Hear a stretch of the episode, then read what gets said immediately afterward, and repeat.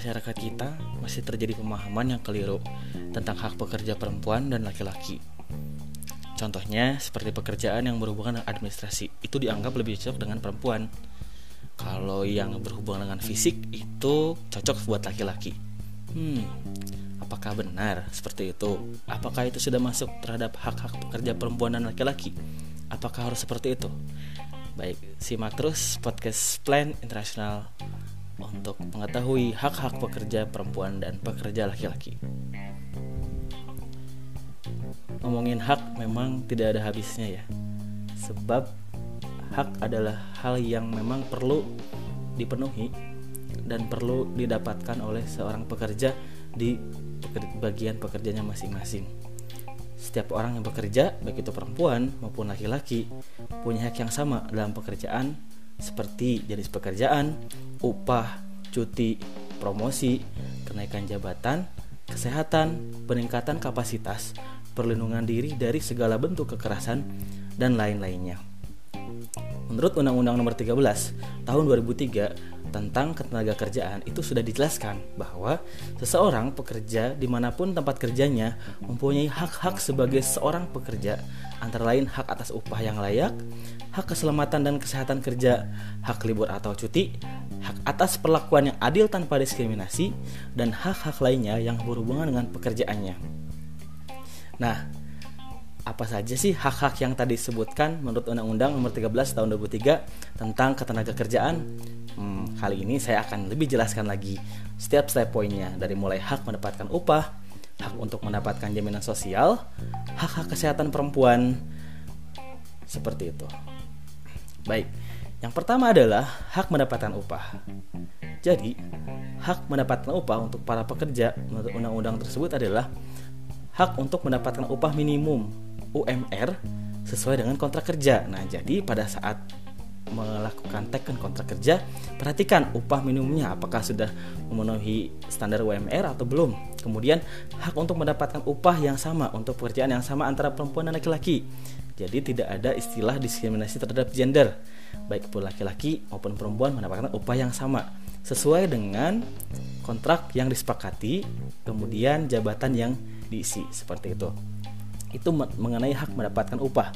Yang kedua, hak untuk mendapatkan jaminan sosial. Nah, kali ini kalau kita sering dengar istilah BPJS ya, BPJS kesehatan, BPJS ketenagakerjaan. Nah, masalah jaminan sosial ini adalah menjadi tanggung jawab pihak perusahaan. Untuk memenuhinya yaitu dapat melalui mengikut sertakan pekerja dalam keanggotaan BPJS meliputi sistem jaminan kesehatan dan jaminan hari tua atau pensiun yang itu termasuk di dalam BPJS ketenaga kerjaan. Nah, jadi ingat-ingat ya nih, hak-hak tentang mendapatkan upah, mendapatkan jaminan sosial itu jadi penting karena agar kita sadar bahwa ketika bekerja kita dijamin oleh perusahaan dan kita merasa nyaman bahwa hak-hak itu sudah terjamin dirasakan dan lain sebagainya. Berikutnya adalah hak-hak kesehatan perempuan. Nah, kali ini akan lebih dalam lagi. Kenapa? Karena hak-hak kesehatan perempuan ini diatur lebih dalam lagi, yaitu apa saja haknya. Pertama, hak cuti haid. Kenapa ini penting? Nah, kita tahu bahwa perempuan itu ada masa menstruasi atau haid akan mengalami perubahan yang dapat berpengaruh pada tingkat emosi dan produktivitas kerja. Oleh karena itu membutuhkan waktu istirahat 1 sampai 3 hari. Kemudian ada hak cuti melahirkan. Wah, ini jelas penting ya. Sebab saat melahirkan seorang ibu khususnya perlu untuk merawat bayinya. Karena hal itu membutuhkan waktu untuk istirahat dan akan lebih baik lagi kalau ini berlaku bagi laki-laki untuk masa pengasuhan bayinya secara bergantian.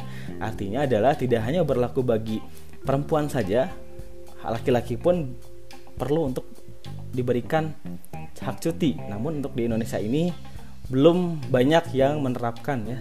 Lebih dominan untuk hak cuti melahirkan perempuan karena fokus di perempuan sebagai ibu ya yang melahirkannya butuhkannya ASI dan lain sebagainya.